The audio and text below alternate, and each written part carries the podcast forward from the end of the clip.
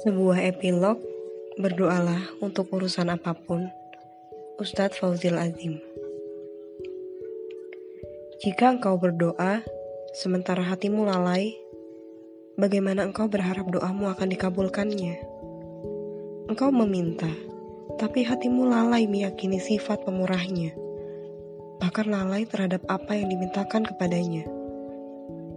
Engkau memohon kepadanya atas harap inginmu yang begitu kuat tapi memujinya pun terasa begitu berat, terkalahkan oleh hasrat untuk segera mendapat apa yang engkau harap kuat-kuat. Ada kalanya doa itu bahkan disertai tangis yang hebat, tapi tak ada keyakinan kuat yang melekat saat bermunajat kepadanya. Hati lalai, iman berkarat. Bukankah Rasulullah telah mengingatkan kita tentang tertolaknya doa dari hati yang lalai? Rasulullah bersabda, "Berdoalah kepada Allah dalam keadaan yakin akan dikabulkan, dan ketahuilah bahwa Allah tidak mengabulkan doa dari hati yang lalai." Hadis riwayat Tirmizi. Allah tidak mengabulkan doa dari hati yang lalai.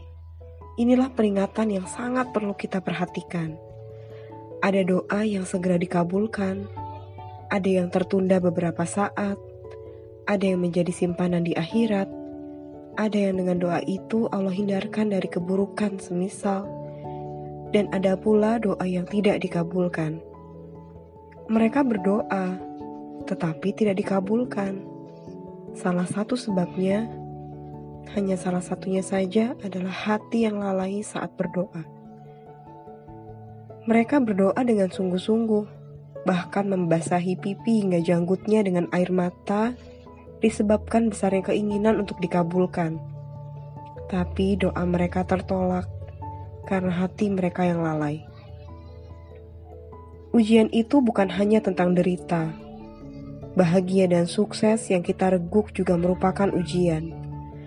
Adakah ia membawa kita semakin dekat kepadanya, ataukah justru bahkan menentangnya? Aku dapati diriku ini termasuk yang lemah. Tidak ada daya untuk melakukan sesuatu yang membuatku lebih baik kecuali semata dengan pertolongan Allah. Maka atas berbagai pinta, rasanya tidak ada yang lebih utama daripada doa memohon diteguhkannya di atas agama Allah ini.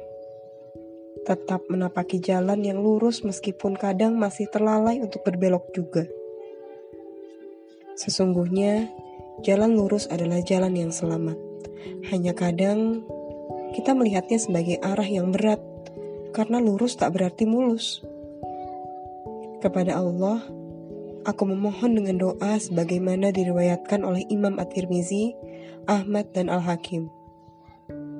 Wahai zat yang membolak-balikan hati, teguhkan hati kami di atas agamamu.